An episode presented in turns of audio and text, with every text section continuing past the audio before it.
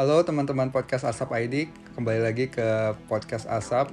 Dengan kali ini kita mengundang salah satu tamu yang spesial juga, memperingati bencana triple bencana Palu 2018 silam.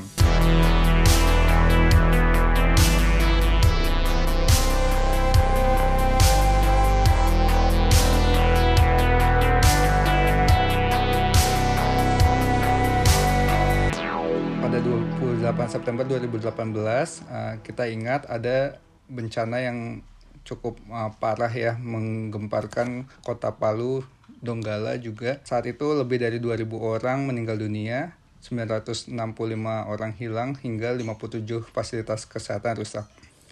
Nah, di tengah bencana tersebut, setelah tiga tahun lamanya, Palu mulai bangkit kembali saat ini kita mengundang salah satu founder dari Palu Produktif yang ikut andil dalam proses rekonstruksi pemulihan kota Palu. Ya ini Kak Biondi Sanda Psima. Halo Kak Biondi. Halo Ega, halo apa kabar? Terima kasih atas undangannya, senang sekali bisa ikut uh, ngobrol di podcast ini. Uh, buat para pendengar, kali ini kita juga ditemani salah satu podcaster lagi namanya Habib. Mungkin pertama-tama pingin tahu dulu nih uh, kayak kenalan dulu kak. Kira-kira kak Biondi ini lagi sibuk apa sih sekarang? Dan backgroundnya kak Biondi? Iya. Iya terima kasih Ega. Dan salam kenal juga buat uh, teman-teman podcast uh, Asap Indonesia mungkin untuk perkenalan dulu nama saya Biondi Sandasima lahir besarnya di Palu um, sampai umur sekitar 17 tahun gitu ya sebelum akhirnya merantau uh, keluar dari Palu. Itu pun waktu itu juga nggak jauh-jauh dari Makassar dulu terus ke Jakarta terus sekolah lagi. Uh, waktu itu kebetulan dapat LPDP dan balik lagi ke Jakarta gitu ya. Dan salah satu pekerjaan utamanya waktu itu memang ter ada kaitannya dengan uh, penanggulangan bencana. Waktu itu saya kerja jadi communication specialist di Humanitarian OpenStreetMap Team itu um, semacam international non-government organization yang uh, bekerja di bidang uh, teknologi um, untuk bisa membantu penanggulangan bencana gitu ya. Jadi pakai data-data secara crowdsource, uh, data spasial terutama untuk pemetaan. Jadi lewat data-data di peta tersebut, para pemangku kebijakan bisa lebih mengetahui uh, lokasi orang-orang yang butuh pertolongan gitu ya pada saat terjadi uh, bencana. Um, kalau sekarang uh, fast forward gitu ya, saya uh, sekarang kerjanya di Bank Dunia uh, sebagai digital government consultant. Um, kemudian sebelumnya juga bekerja membantu Gubernur Jawa Barat Ridwan Kamil di unit digital yang baru saja beliau bentuk namanya Jabar Digital Service. Kebanyakan sih kesibukan utamanya di sana um, di di Bank Dunia saat ini, um, tapi juga ada beberapa hal lain yang dikerjakan untuk bisa giving back ke tempat saya lahir gitu ya Palu. Salah satunya membangun yang namanya Palu Produktif. Mungkin kita bisa ngobrol lebih jauh juga nanti terkait Palu Produktif ini. Perjalanan yang cukup menarik ya gitu ya. Dari awal mulanya uh, lulus dan sempat juga berkecimpung di dunia kebencanaan ya. Kalau boleh tahu apa sih drive-nya Kak Biondi dalam dunia kebencanaan? Kok mau terjun ke dunia kebencanaan Iya, kenapa mau sih? Sebenarnya karena ada kaitannya dengan latar belakang juga. Saya kan lahir besar di Palu, keluarga saya semuanya di Palu, satu-satunya yang merantau di rumah saya itu saya sendiri. Jadi saya hati saya sih sebenarnya selalu ada di Palu gitu ya. Eh, rumah saya kan juga ada di sana. Nah, Palu sendiri salah satu kota yang cukup rawan bencana. Um, dan karena terletak di atas uh, sesar yang aktif juga gitu ya uh, sesar Koro gitu yang waktu tahun 2018 juga mengakibatkan ada tsunami, likuifaksi, gempa bumi yang tadi Ega juga sudah sempat sebutkan di introduksinya. Um, yang korban jiwanya sangat banyak dan waktu itu keluarga besar saya juga ada yang meninggal uh, karena tsunami gitu ya yang terjadi. Dan banyak juga uh, selain yang meninggal kan banyak orang yang kehilangan tempat tinggal gitu juga ya. Berdasarkan data BNPB kan ada lebih dari 82 ribu orang Um, jadi alasan saya waktu itu uh, belum terjadi sih uh, si gempa bumi, tsunami dan likuifaksinya, tapi saya tahu karena Uh, saya lahirnya di sana dan walaupun tidak mengalami secara langsung gempa bumi, tsunami dan likuifaksi yang begitu hebohnya yang di tahun 2018 itu, tapi sewaktu saya bertumbuh itu sering sekali um, mengalami yang namanya gempa, baik yang skala Richternya kecil sampai menengah gitu ya. Dan saya tahu uh, korban yang bisa ditimbulkan akibat gempa bumi seperti ini, baik itu korban jiwa maupun korban secara material itu sangat-sangat besar. Um, dan kenapa saya akhirnya tertarik, saya juga salah satu prinsip yang saya percaya itu namanya uh, effective altruism gitu ya, karena sebagian besar waktu yang akan kita habiskan itu adanya di pekerjaan. Jadi saya selalu merasa perlu nyari pekerjaan yang ada misi uh, besarnya gitu ya. Dan misi besar ini harus uh, se sebaiknya related ke kondisi personal juga. Jadi kalau misalnya uh, si pekerjaan ini bisa membantu keluarga saya sendiri secara tidak langsung tentunya saya juga akan ada tingkat kepuasan tersendiri gitu ya. Jadi itu sih awalnya kenapa saya tertarik juga kerja di uh, bidang kebencanaan waktu pertama kali lulus. Menarik banget. Jadi kayak emang ada dari awal juga sudah tahu kalau Palu itu beresiko bencana, akhirnya um, mencoba terjun di dunia kebencanaan juga ya kak ya. Nah menarik lagi kak kan uh, mungkin kak Biondi masih ingat nggak ya kayak aku tuh pertama kali ketemu kak Biondi itu waktu di uh, Jawa Barat. Jadi dulu aku sempat ikutan yang namanya Jabar Innovation Fellowship kak. Terus eh, waktu itu Kak Biondi jadi mentornya.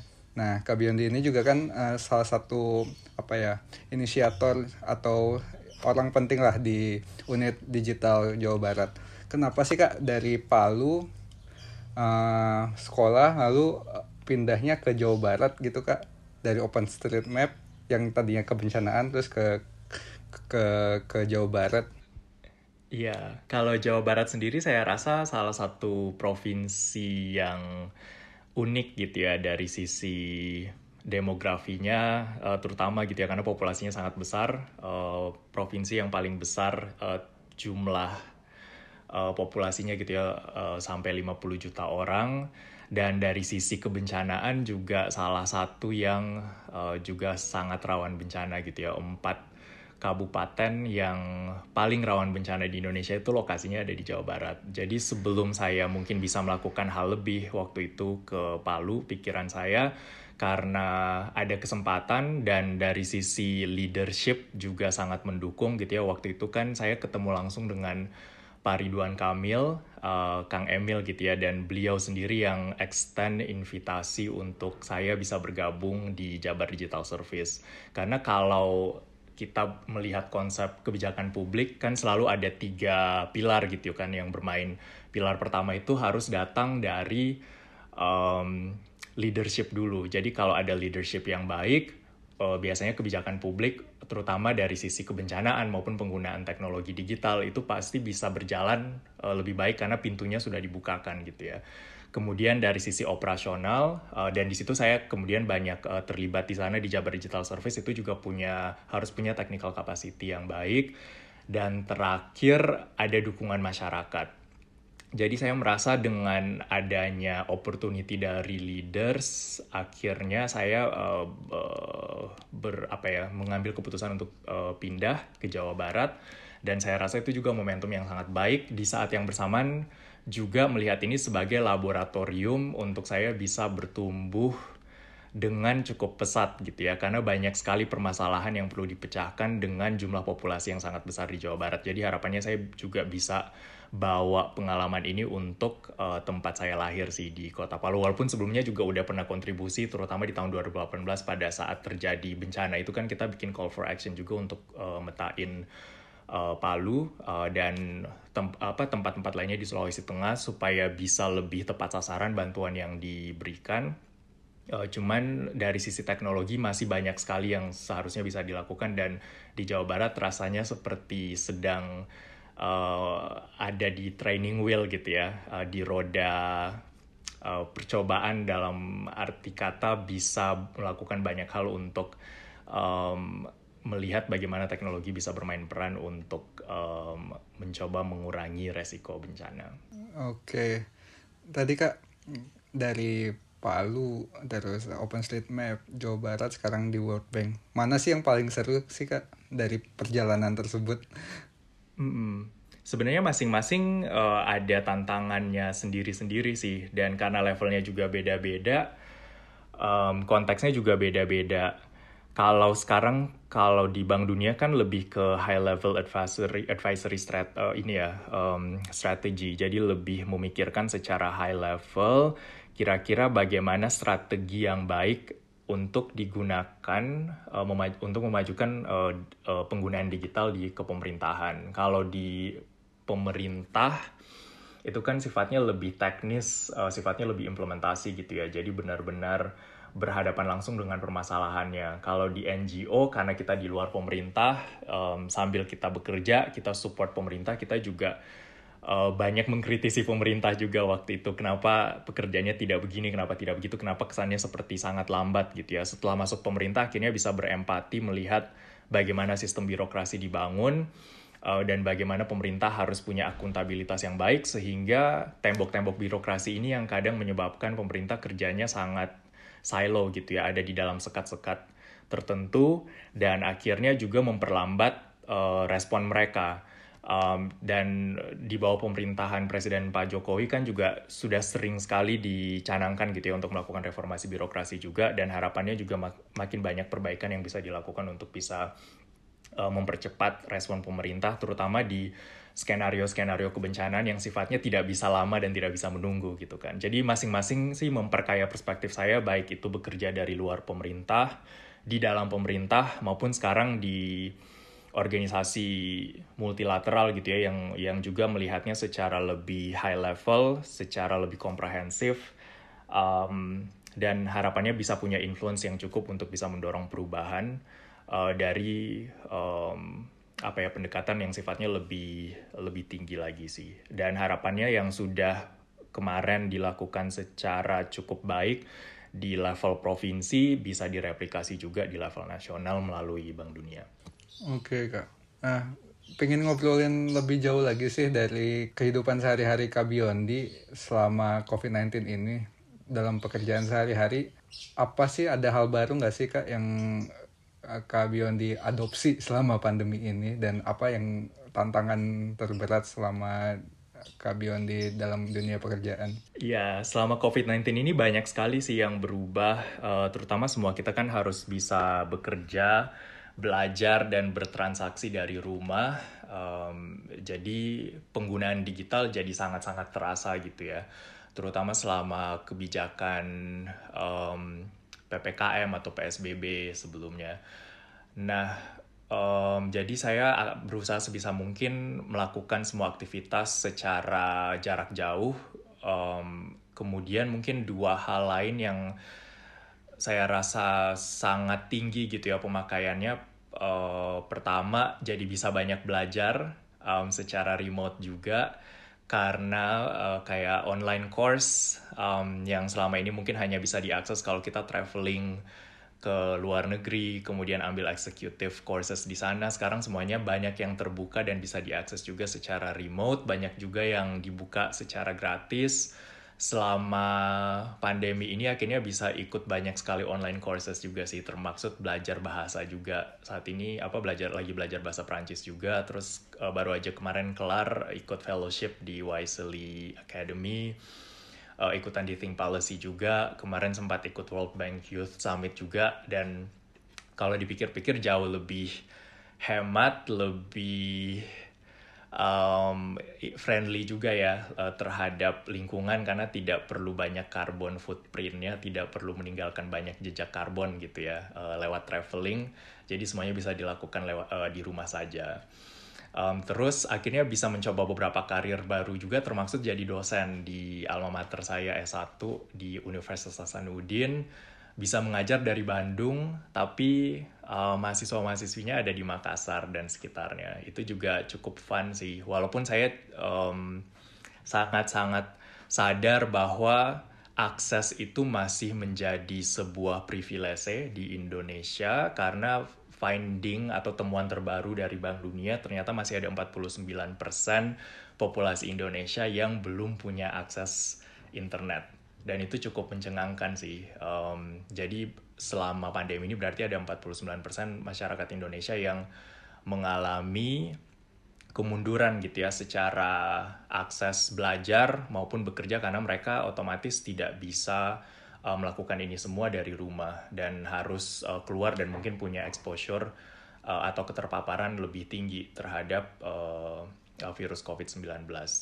Jadi di satu sisi banyak hal baru yang saya bisa explore, di sisi lain juga semakin membuat saya sadar bahwa perlu banyak peningkatan gitu yang yang perlu dilakukan baik itu oleh pemerintah maupun uh, pihak swasta juga untuk bisa meningkatkan konektivitas di Indonesia. Iya, luar biasa banget ya di apa namanya apa yang dilakukan ketika pandemi ini tadi banyak banget poin penting yang aku juga catat kayak misalnya termasuk uh, ternyata Biondi ini sangat concern sekali tentang lingkungan, kayak termasuk dengan carbon footprint dan juga uh, bagaimana uh, konektivitas digital dari anak-anak di Indonesia juga ya dalam mengakses internet. Nah, mungkin satu hal yang juga aku catat kalau misalnya uh, ngelihat dari uh, apa yang Biondi lakukan selama pandemi, kayaknya mendirikan Palu Produktif ya, Bi. Mungkin boleh cerita sedikit ya. uh, tentang Palu Produktif ini, Bi? Iya betul. Nah ini um, awalnya dapat inspirasi untuk bikin Palu Produktif dari World Bank Youth Summit yang tadi saya sempat sebutkan. Jadi di salah satu sesinya ada satu speaker dari salah satu negara di Afrika gitu ya yang di-invite. Um, kemudian dia ceritakan bagaimana pengalaman dia bikin institusi juga di sana yang berfokus pada meningkatkan skill-skill yang transferable yang bisa ditransfer gitu ya lintas industri, lintas umur, um, lintas vertikal itu ternyata punya dampak yang sangat-sangat baik um, untuk peningkatan ekonomi karena memang kebanyakan World Bank kan fokusnya untuk bisa um, mengurangi tingkat kemiskinan gitu ya.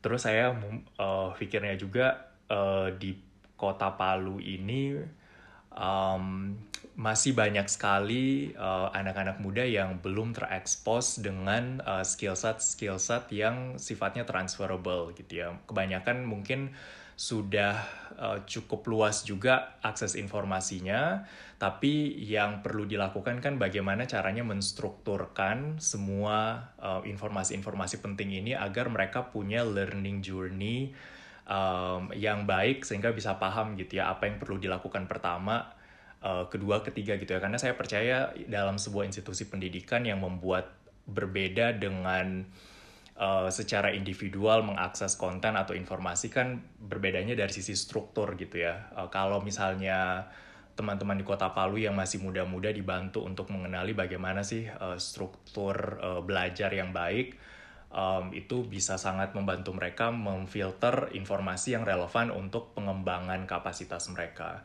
Jadi di Palu Produktif, kita berfokus pada transferable skills atau skills yang tadi saya sebutkan yang bisa dipakai mau dia di industri mana pun bekerja atau di di level mana pun gitu ya baik itu senior maupun junior itu tetap sangat-sangat uh, berguna gitu ya. Jadi beberapa skill set yang kita fokuskan itu ada soal kepemimpinan, cara berpikir kritis, memanage waktu, literasi keuangan, komunikasi, literasi data. Salah satunya juga yang menurut saya unik untuk Palu Produktif karena konteks daerahnya juga adalah uh, penanggulangan bencana.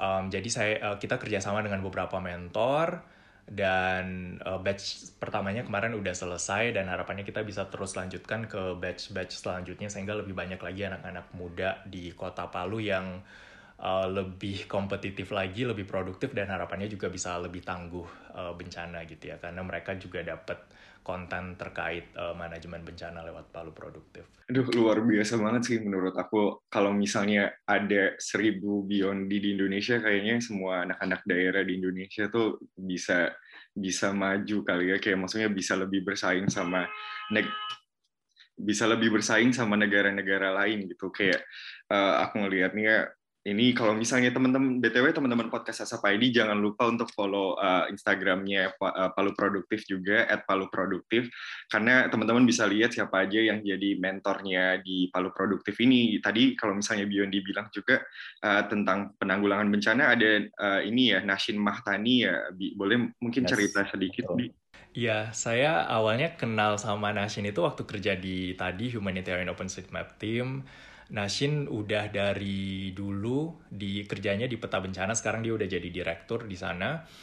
Um, nah, peta bencana itu fokus pada penggunaan media sosial uh, seperti Twitter dan mereka pakai bot untuk bisa mengcapture um, keyword-keyword atau kata kunci yang digunakan oleh pengguna media sosial. Nah, kemudian botnya akan secara responsif merespon orang-orang um, yang melaku apa yang uh, membuat tweet tadi dan setelah itu dia akan diundang untuk membuat laporan secara formal, memberikan informasi yang lebih banyak lagi. Jadi bisa dibilang kalau biasanya untuk membangun infrastruktur seperti sensor terhadap kebencanaan itu cukup mahal gitu ya. Belum kalau misalnya infrastruktur fisik bisa juga rusak pada saat terjadi bencana atau bahkan dicuri orang. Tapi sekarang kita pakai mata manusia dan observasi dari lapangan sebagai sensor-sensor ini gitu ya melalui crowdsourcing informasi lewat media sosial. Nah sayangnya masih banyak orang yang belum tahu tentang informasi ini. Jadi kita kerjasama dengan uh, peta bencana, beberapa peserta dari Palu Produktif itu juga jadi youth ambassador di program uh, peta bencana tadi. Jadi mereka yang akan menjadi aktif edukator di lapangan untuk bisa membuat uh, lebih banyak orang lagi yang aware terkait pentingnya informasi yang mereka share pada saat terjadi bencana dan itu bisa dipakai di collect oleh uh, platform seperti peta bencana untuk diteruskan ke pengambil kebijakan dan uh, kepada orang-orang yang melakukan respon pertama gitu ya pada saat terjadi bencana sih. Jadi um, Nashin itu juga sangat inspirasional. Jadi kita juga cari tokoh yang selain pekerjaannya juga impactful, sosok orangnya juga uh, jadi panutan gitu ya. Jadi saya rasa sangat-sangat bermanfaat juga untuk teman-teman di Kota Palu punya role model role model yang mereka bisa uh, ikuti gitu ya uh, perjalanan karirnya dan semoga juga bisa lahir inovasi-inovasi baru lewat role model yang mereka jadikan panutan gitu. Oh iya kak, menarik banget nih soal um, mode mentoring kayak gini. Nah, kayak mentor-mentornya sendiri tuh ketemunya di mana sih kak dan apakah harus punya background orang Palu juga agar bisa jadi role model yang representatif gitu atau bebas aja? Iya, um, kalau untuk mentornya sendiri campuran ada yang memang orang Palu, ada yang teman saya yang bukan orang Palu gitu. Um, tapi mereka memang di brief untuk bisa membuat konten yang mereka deliver itu bisa relatable gitu ya, bisa diikuti oleh uh, teman-teman dari Kota Palu. Dan saya lihat selama kita enam kali pertemuan di Palu Produktif ini ternyata anak-anak Kota Palu juga punya potensi yang sangat besar sih.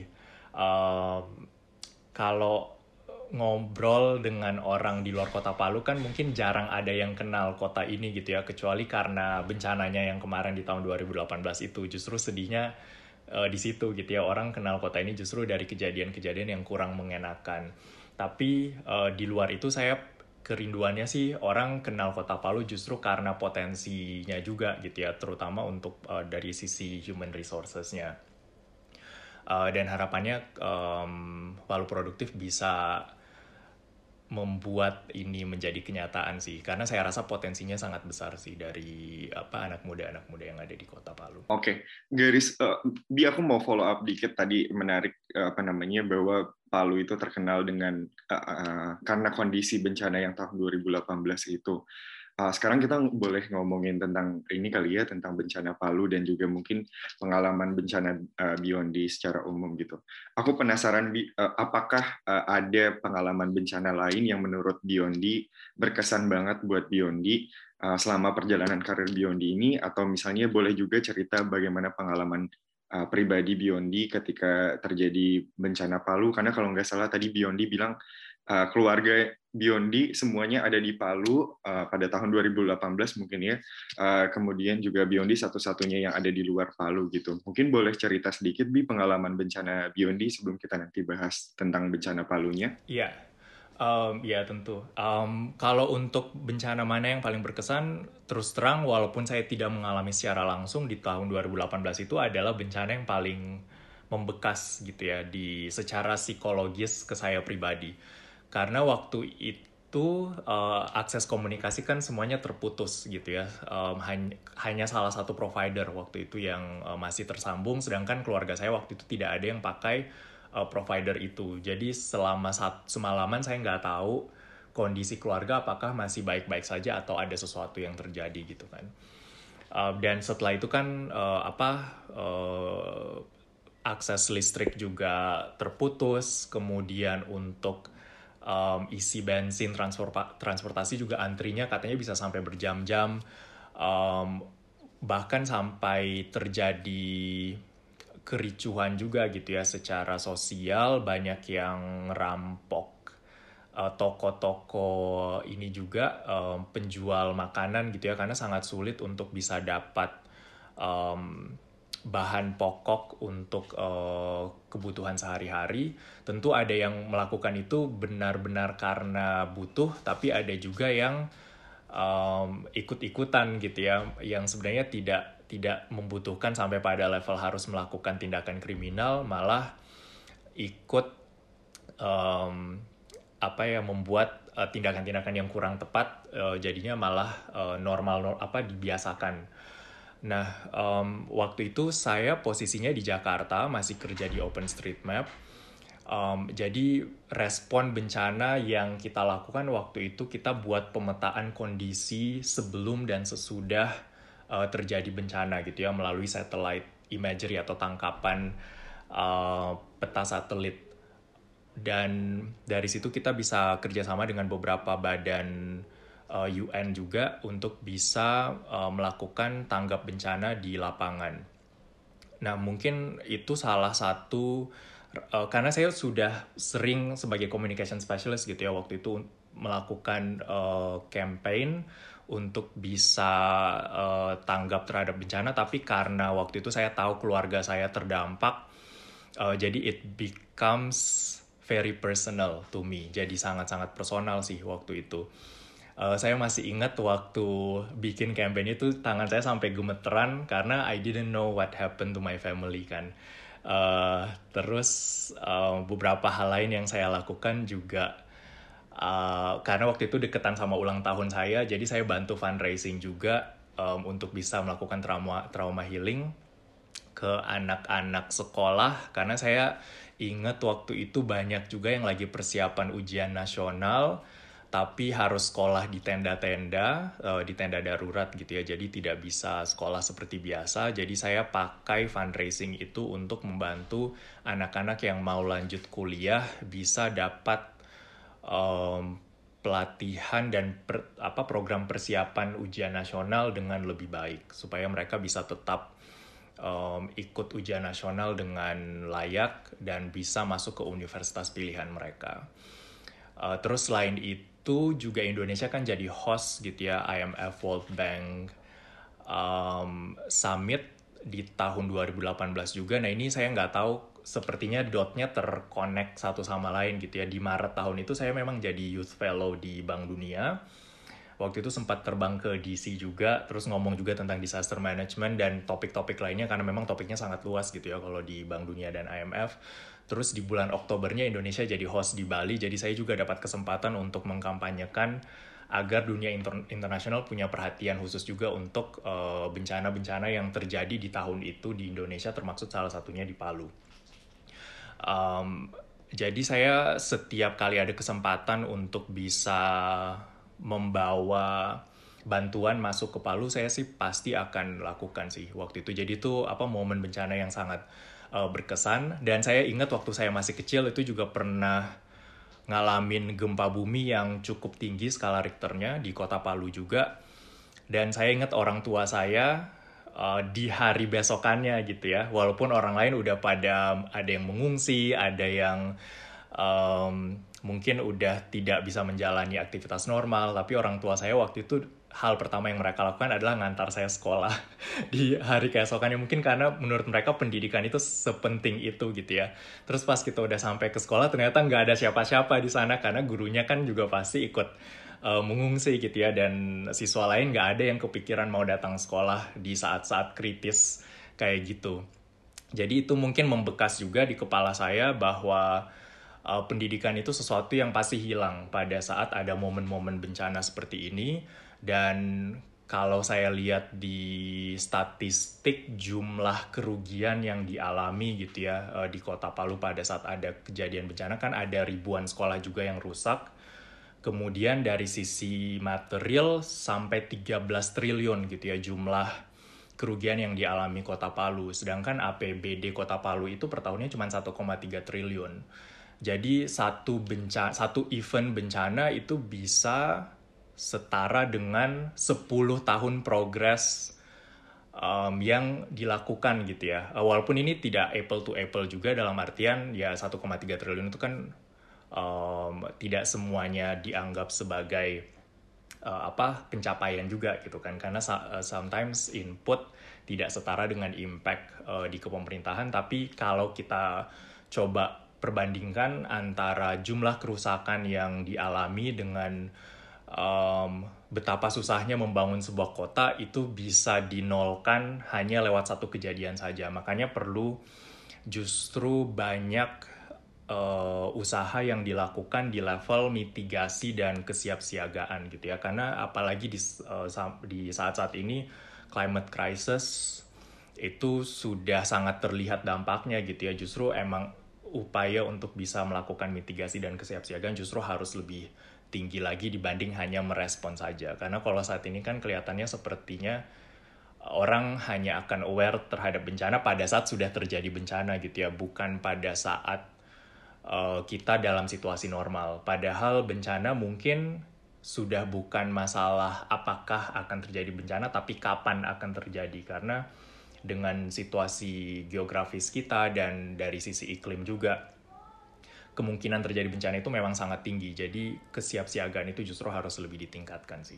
Aku dari tadi speechless kayak diam, sedih kayak tapi ada juga uh, rasa optimis karena uh, gimana pengalaman ini mungkin juga menjadi latar belakang untuk bentuk terlalu produktif kali ya bi. Kayak apa namanya tadi Bioni cerita sedikit tentang waktu kecil apa namanya terjadi mengalami gempa kemudian tapi besokannya orang tuanya Bioni itu eh, masih tetap uh, berjuang untuk nganterin Bioni ke sekolah. Itu itu itu momen aku rasanya sangat sedih sekali di situ. Uh, bi tapi kalau misalnya aku follow up dikit tentang uh, bencana Palu yang 2018 itu butuh berapa lama bi sampai uh, akhirnya bisa menghubungi keluarga? Karena tadi kan memang disampaikan bahwa seluruh infrastruktur komunikasi komunikasi terputus gitu ya dan uh, ter, walaupun di saat yang bersamaan tapi Biondi tetap harus bekerja uh, apa namanya sebagai uh, apa ya membantu mendatangkan bantuan ke mana ke Palu. Mungkin boleh cerita sedikit bi berapa lama untuk bisa mengakses keluarga gitu untuk memastikan kabarnya baik-baik saja. Iya, baru bisa dengar kabar itu kurang lebih sehari setelahnya itu pun cukup beruntung karena ada teman keluarga yang ikut mengungsi di depan rumah. Jadi kebetulan di depan rumah saya itu ada lahan kosong memang. Jadi uh, walaupun lahan kosong ini sebenarnya tidak diperuntukkan untuk orang mengungsi, tapi uh, karena insting orang-orang dan ini mungkin salah satu kekurangan komunitas-komunitas di Indonesia gitu juga ya. Uh, tidak semuanya punya uh, poin yang memang diperuntukkan untuk pengungsian pada saat ada terjadi bencana. Uh, nah di RW rumah saya juga waktu itu kejadiannya hanya kebetulan saja karena ada lahan kosong, tidak pernah ada kesepakatan bahwa ini akan menjadi pusat pengungsian. Ya orang ya taunya langsung ke sana aja dan kebetulan ada ada teman keluarga yang ikut mengungsi di sana walaupun rumahnya jauh. Uh, dan dia pakai provider yang masih aktif, uh, jadi kebetulan saya bisa dapat kabar itu pun hanya satu arah aja karena setelah mengabari saya katanya juga handphonenya juga udah mati gitu nggak bisa di uh, nggak bisa uh, ini di charge lagi juga karena listrik pun juga mati waktu itu. Um, jadi komunikasinya sangat-sangat terbatas sih. Akhirnya baru bisa dapat akses setelah dapat akses uh, genset dan itu pun masih seperti itu selama beberapa minggu. Uh, jadi komunikasinya masih sangat-sangat terbatas sih uh, di momen-momen pasca bencana Um, tapi Bi kalau misalnya aku boleh follow up dikit dan kalau misalnya Biondi berkenan juga untuk cerita um, selain misalnya dampak pasti dampak ke bangunan fisik ya terutama rumah uh, apakah Biondi juga ada keluarga yang uh, terdampak gitu? Entah uh, ter, ter, terpaksa harus masuk rumah sakit atau misalnya kehilangan uh, keluarga Biondi ini tapi kalau Biondi berkenan uh, cerita aja mungkin dari uh, bencana di Palu itu Bi Iya, kebetulan ada paman saya sih yang menjadi korban tsunami. Jadi uh, paman dan tante saya waktu itu meninggal uh, pada pada saat tsunaminya gitu ya. Um, dan itu juga terjadi karena saat itu akan ada festival besar-besaran di kota Palu. Um, jadi um, mereka bikin rehearsal di tepi pantai um, sebenarnya untuk anak-anak SD waktu itu cuman kalau anak-anak SD kan um, mereka waktu itu pada saat terjadi gempa dan melihat ada uh, air yang mulai naik mereka bisa lari kenceng gitu kan kalau anak-anak. Cuman sayangnya waktu itu paman dan uh, tante saya itu emang ada kendala di lutut gitu ya emang habis operasi jadi sulit untuk lari. Uh, jadi mereka waktu itu jadi korban uh, jiwa sih untuk uh, tsunami-nya um, yang lain-lain sih uh, ada uh, salah satu keponakan saya juga hampir jadi korban jiwa karena kebetulan lagi retreat juga di tempat yang mengalami likuifaksi. Uh, teman-temannya banyak yang meninggal, um, cuman waktu itu by miracle juga sih dia akhirnya selamat. Um, dan sempat beberapa hari di pengungsian nggak ada yang tahu uh, identitasnya. Dia juga mungkin masih terlalu lemah untuk bisa uh, pulang uh, dan kita keluarga bahkan pikirnya dia udah tidak ada gitu kan. Sampai akhirnya beberapa hari setelahnya baru uh, dia udah cukup kuat terus udah bisa komunikasi akhirnya diantar pulang ke rumah uh, keluarga dan waktu itu semuanya uh, senang campur sedih gitu ya. Uh, ternyata yang dikira udah uh, meninggal ternyata ada di kamp pengungsian. Dan saya nggak kebayang sampai sekarang pun juga informasi yang saya dengar sih masih ada puluhan sampai ratusan keluarga yang ada di tempat pengungsian gitu ya. Karena atau ada di Huntara gitu. Karena uh, memang ker, tingkat kerusakannya sangat-sangat parah. Terutama yang di wilayah uh, yang terkena tsunami dan yang terkena likuifaksi sih. Um, yang di tsunami sendiri kan sampai sekarang juga uh, tidak bisa dibangun kembali dan itu saya rasa kebijakan yang sudah cukup tepat gitu ya. Uh, jadi ada kebijakan dari pemerintah daerah juga untuk tidak membangun lagi di daerah yang sudah terkena tsunami dan mungkin akan dialihfungsikan untuk hal lain. Cuman level perhatian untuk bisa melakukan kompensasi dan pengalihan uh, hunian yang layak itu memang uh, belum merata untuk semuanya sih. Apalagi kalau untuk keluarga yang uh, ini ya kemampuan untuk mengantisipasi kejadian bencana. Misalnya jumlah savingnya tidak cukup itu mungkin akan susah untuk bisa um, istilahnya bisa bounce back atau bangkit kembali dengan cepat. Itu pasti akan butuh waktu yang sangat lama untuk bisa kembali normal. Oke kak, uh, kami turut berduka cita juga atas kehilangan uh, keluarga Kak Biondi ya kak. Nah itu mungkin baru satu cerita dari ribuan cerita keluarga lain yang kehilangan uh, keluarganya. 2000 people is always more than just a number. Kak, tiga tahun setelah bencana Palu Donggala, uh, masih terakhir pulang ke Palu kapan kak? Terakhir beberapa bulan yang lalu saya sempat balik juga sih tiga bulan sempat stay di kota Palu. Kira-kira sekarang kondisinya gimana sih kak? Apakah sudah ada pemulihan yang signifikan atau masih ada beberapa kendala di sana? Iya, kalau pemulihan saya rasa ini salah satu poin positif gitu ya untuk orang kota Palu. Saya rasa ketangguhan mereka dan resiliensi orang-orang Palu itu sangat tinggi bisa dibilang sekarang udah balik normal lagi dari sisi aktivitas ekonomi gitu ya. Bahkan saya ag kadang agak gemas juga karena di saat-saat pandemi malah mereka aktif di luar rumah. tapi anyway ini mungkin cerita lain.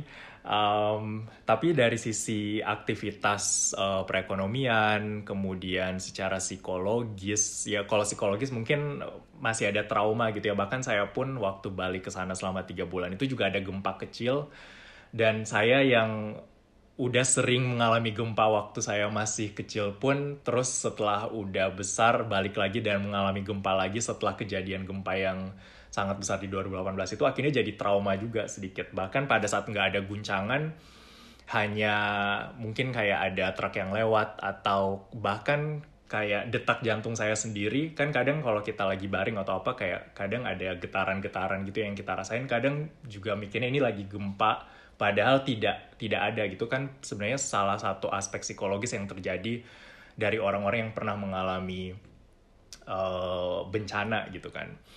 Um, tapi di luar itu mungkin uh, saya dari observasi pribadi sih sepertinya sudah ber, uh, sudah cukup uh, pulih gitu ya secara normal. Tapi memang secara visual kita masih bisa lihat sisa-sisanya gitu ya, terutama di daerah lokasi pantai, kemudian beberapa wilayah uh, infrastruktur umum yang memang runtuh uh, rata tanah itu kan uh, ada beberapa juga yang belum dibangun kembali gitu ya. Jadi kita masih bisa lihat beberapa remnants atau sisa-sisanya lah.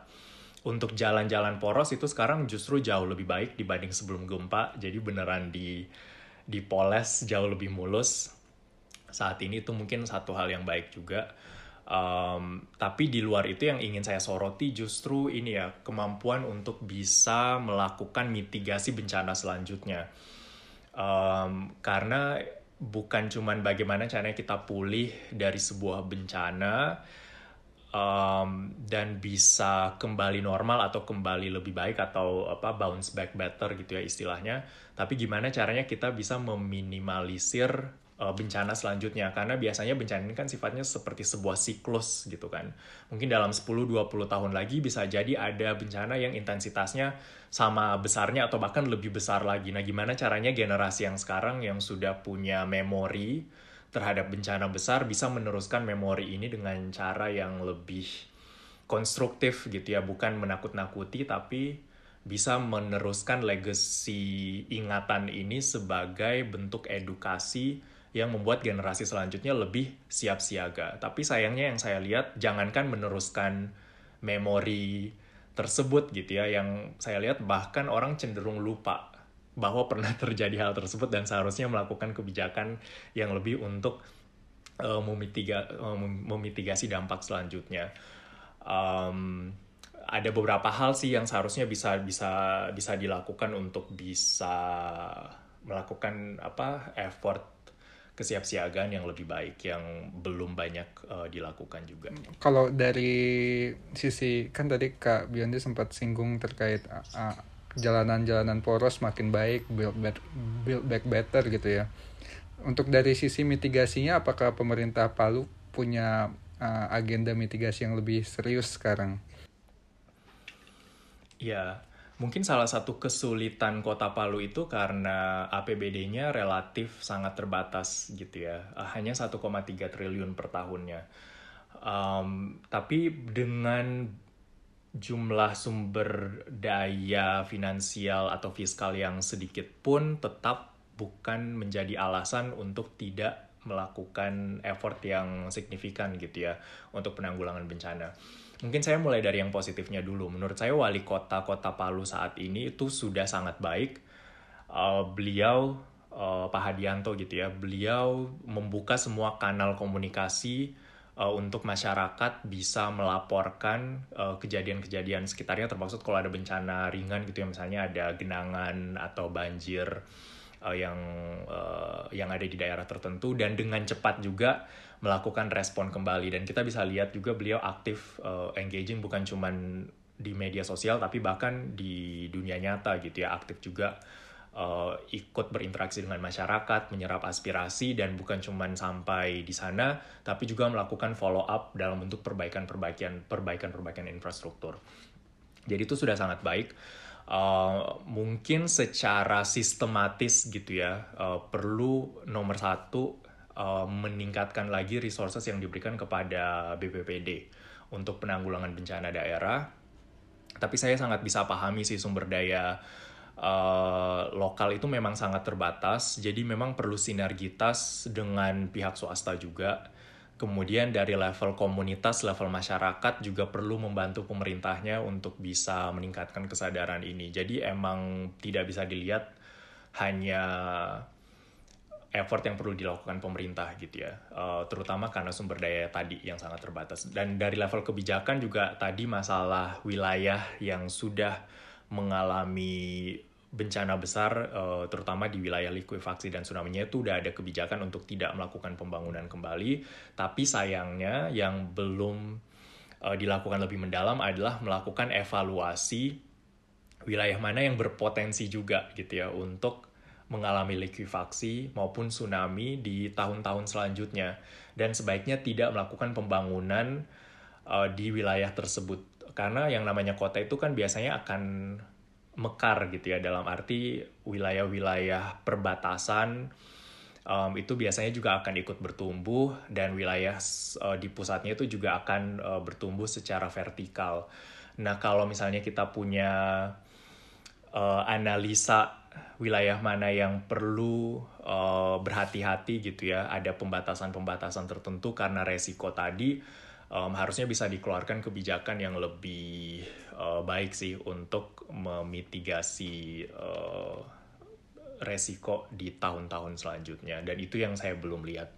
Dan mungkin salah satu tools lain itu asuransi.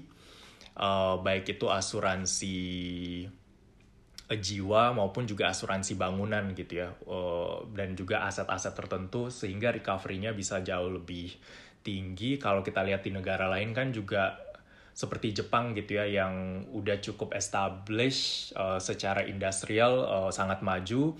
Tapi di saat yang bersamaan juga tetap ada resiko bencana yang sangat besar gitu ya. Dan mereka punya beberapa kebijakan untuk bisa meminimalisir resiko yang timbul pada saat ada bencana termasuk lewat asuransi gitu ya uh, kalau dari sisi fiskalnya supaya uh, individu keluarga yang mengalami kerugian pada saat terjadi bencana itu bisa lebih cepat pulih uh, dan lebih cepat balik ke situasi normal uh, karena memang di cover gitu ya lewat tanggungan asuransi bencana. Dan saya rasa hal-hal seperti ini belum banyak ada di Kota Palu maupun di Indonesia secara umum. Karena mungkin satu sisi yang saya lihat kebanyakan masyarakat lokal itu kan mas apa ya sifatnya sangat uh, percaya dengan nilai-nilai takdir gitu ya dalam arti kata kalau misalnya emang ini udah menjadi takdir saya untuk kehilangan seseorang atau kehilangan harta benda yaitu mungkin udah diatur oleh uh, takdir dia gitu kan. Padahal seharusnya takdir ini masih bisa di uh, diseimbangkan dengan upaya upaya-upaya untuk meminimalisir kerugian. Nah itu yang perlu uh, Eh, kerjasama juga dari banyak pihak gitu ya, ter uh, termasuk dari masyarakat umum, tokoh masyarakat, uh, komunitas, tokoh agama juga termaksud untuk membantu meningkatkan kewaspadaan dan kesiapsiagaan bahwa memang benar mungkin kejadian-kejadian seperti ini di luar kuasa manusia, tapi di satu sisi juga ada hal-hal yang tetap kita bisa lakukan untuk bisa uh, meminimalisir dampak tadi.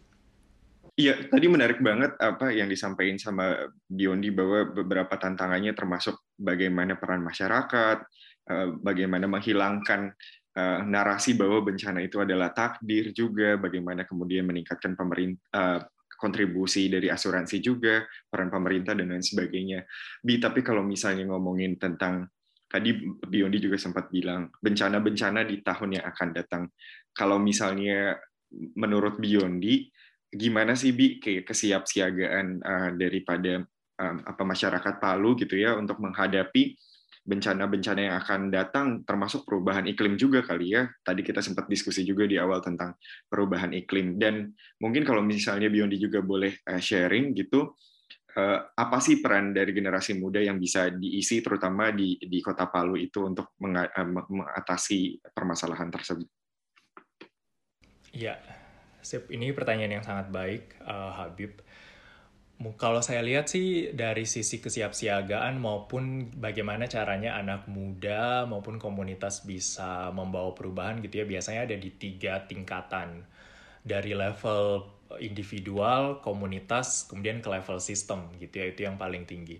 Um, mungkin perlu ada penguatan di ketiga-tiganya. Dari sisi individual, pastinya masing-masing perlu ada kesadaran dulu um, terkait dampak bencana gitu ya. Uh, dan bagaimana caranya masing-masing bisa siap siaga baik itu merespon uh, maupun uh, mengubah lifestyle-lifestyle tertentu yang berkontribusi terhadap peningkatan uh, climate crisis misalnya. Um, tapi di luar itu uh, juga perlu ada yang di level komunitas dan sistem gitu ya. Tapi mungkin kalau dari sisi dari sisi level individual pun juga saya lihat belum banyak uh, effort komunikasi maupun pelatihan yang dilakukan untuk misalnya masing-masing orang itu harusnya tahu bagaimana caranya bereaksi pada saat ada gempa bumi atau bagaimana caranya mereka juga punya uh, tas siap siaga gitu ya yang isinya uh, makanan sehari apa makanan pokok atau hal-hal uh, yang dibutuhkan pada saat emergency, dokumen yang penting itu harusnya ada di tempat yang mudah untuk diselamatkan pada saat ada bencana, hal-hal simple dan sederhana yang seharusnya lebih rutin dilakukan dan diingatkan kembali itu juga jarang dilakukan gitu ya. Jadi dari level individual pun masih banyak sekali pekerjaan rumah uh, yang uh, yang harus uh, dan perlu diintensifkan lagi terutama kalau kita berbicara tentang climate crisis gitu ya karena banyak sekali yang juga berkaitan dengan kebiasaan sehari-hari dalam uh, pola konsumsi. Kalau di level komunitas uh, mungkin perlu lebih me, me mainstream apa melakukan pengarus utamaan untuk isu-isu kebencanaan maupun isu-isu perubahan iklim walaupun sebuah komunitas itu tidak berfokus pada kebencanaan tapi mereka juga tetap perlu membawa konteks kebencanaan itu di dalam um, isu yang mereka bahas. Kayak di Palu Produktif kan sebenarnya fokus kami itu gimana caranya meningkatkan produktivitas dan daya saing um, talenta lokal gitu ya tapi karena kami sadar bahwa Palu ini wilayah yang rawan bencana dan kebencanaan itu bisa sangat besar pengaruhnya me, apa ya menolkan kembali progres yang sudah banyak orang lakukan. Nah, kayak konteks bencana itu diarus utamakan juga dibahas di dalam komunitas tersebut. Kemudian yang terakhir di level sistem. Nah, ini yang saya rasa justru jauh lebih penting gitu ya. Gimana caranya anak muda bisa memikirkan um, masuk berperan juga ke dalam uh, level tata kelola uh, yang termak termaksud juga dalam penentuan kebijakan gitu ya. Karena kalau kita berbicara tentang pemerintah, walaupun mereka tidak bisa jalan sendiri, tapi mereka yang menentukan uh, cara bermainnya gitu ya, kayak melalui regul regulasi, alokasi fiskal, dan pendekatan-pendekatan lainnya. Um, dan di masing-masing level ini ketiga-tiganya sih masih sangat besar ruang untuk berkontribusi dan melakukan uh, perbaikan perubahan. Kalau untuk anak muda sendiri saya lihat mungkin salah satu ruang berkontribusi yang terbesar adalah melalui teknologi. Karena kalau kita lihat di negara lain banyak sekali inovasi-inovasi yang dilahirkan untuk bisa uh, melihat uh, bencana um, dan mengantisipasi resiko yang terjadi pada saat bencana terjadi gitu ya. Kalau melihat riset kan juga banyak yang um, apa uh, ada salah satu finding juga gitu ya temuan riset bahwa satu dolar yang diinvestasikan di kesiapsiagaan itu bisa menghemat 6 dolar pada saat melakukan respon. Um, jadi alokasi fiskal misalnya dari pemerintah uh, seharusnya bisa lebih banyak dialokasikan bukan merespon bencana, saja tapi juga untuk melakukan mitigasi sih. Karena kalau kita lihat pada saat di 2018 ada bencana kan jumlah bantuan yang masuk sangat-sangat tinggi gitu kan dari berbagai macam uh, sumber dan itu tetap tidak sebanding dengan kerugian yang terjadi. Nah, alangkah baiknya kolaborasi pendanaan um, ini bisa dilakukan secara berkelanjutan, bukan cuma pada saat terjadi bencana, tapi justru lebih penting lagi pada saat tidak terjadi bencana gitu ya, pada saat kondisi normal uh, tetap ada upaya untuk bisa meng menghimpun uh, pendanaan, tapi tentunya dengan uh, penggunaan pendanaan yang juga bertanggung jawab gitu ya, untuk bisa dilakukan um, investasi di level kesiapsiagaan dan mitigasi.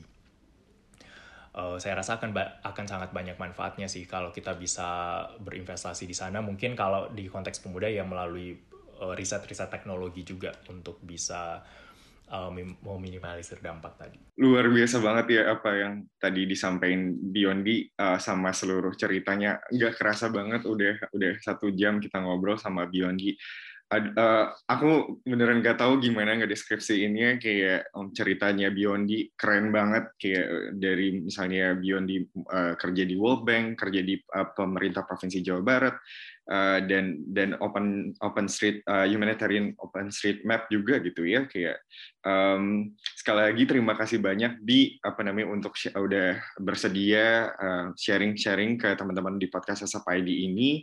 Eh, teman-teman jangan lupa khususnya yang ada di kota Palu untuk follow Palu Produktif di Instagramnya uh, uh, Palu Produktif gitu ya. Kayak uh, ditunggu aja kata Biondi tadi kan bakalan ada kegiatan yang kedua juga ya Bi uh, apa namanya mungkin iya, nanti betul nanti teman-teman terus ikutin Instagram uh, Palu Produktif dan juga teman-teman yang lain jangan lupa untuk terus follow dan ikutin perkembangan uh, media sosialnya podcast Sesap ID di Instagram ataupun di Twitter juga.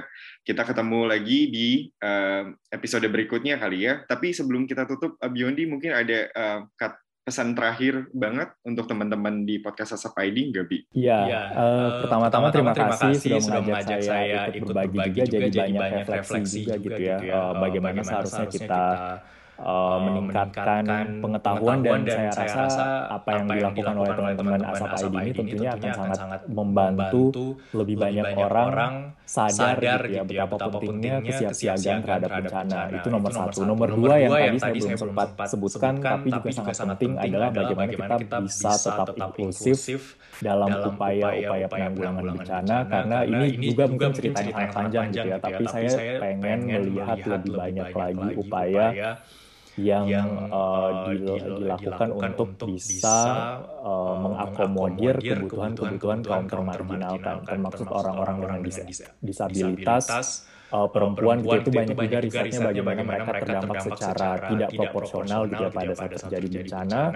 dan semoga lebih banyak lagi riset kanal edukatif yang didedikasikan untuk uh, kita semua bisa sama-sama aman dan tangguh pada saat terjadi bencana. Karena bencana bukan masalah apakah akan terjadi tapi kapan akan terjadi. um, dengan situasi seperti itu yang namanya kesiapsiagaan jadi sangat-sangat penting untuk dilakukan oleh kita semua. itu sih luar biasa banget uh, kesiapsiagaan menjadi sangat penting untuk kita semua. Itu kata kunci dari Biondi. Sekali lagi terima kasih banyak Biondi udah main ke podcast Sesap ID uh, teman-teman sekali lagi jangan lupa ya untuk perkembang uh, ikuti perkembangan baik me media sosialnya Palu Produktif ataupun juga podcast Sesap ID sampai ketemu lagi di episode berikutnya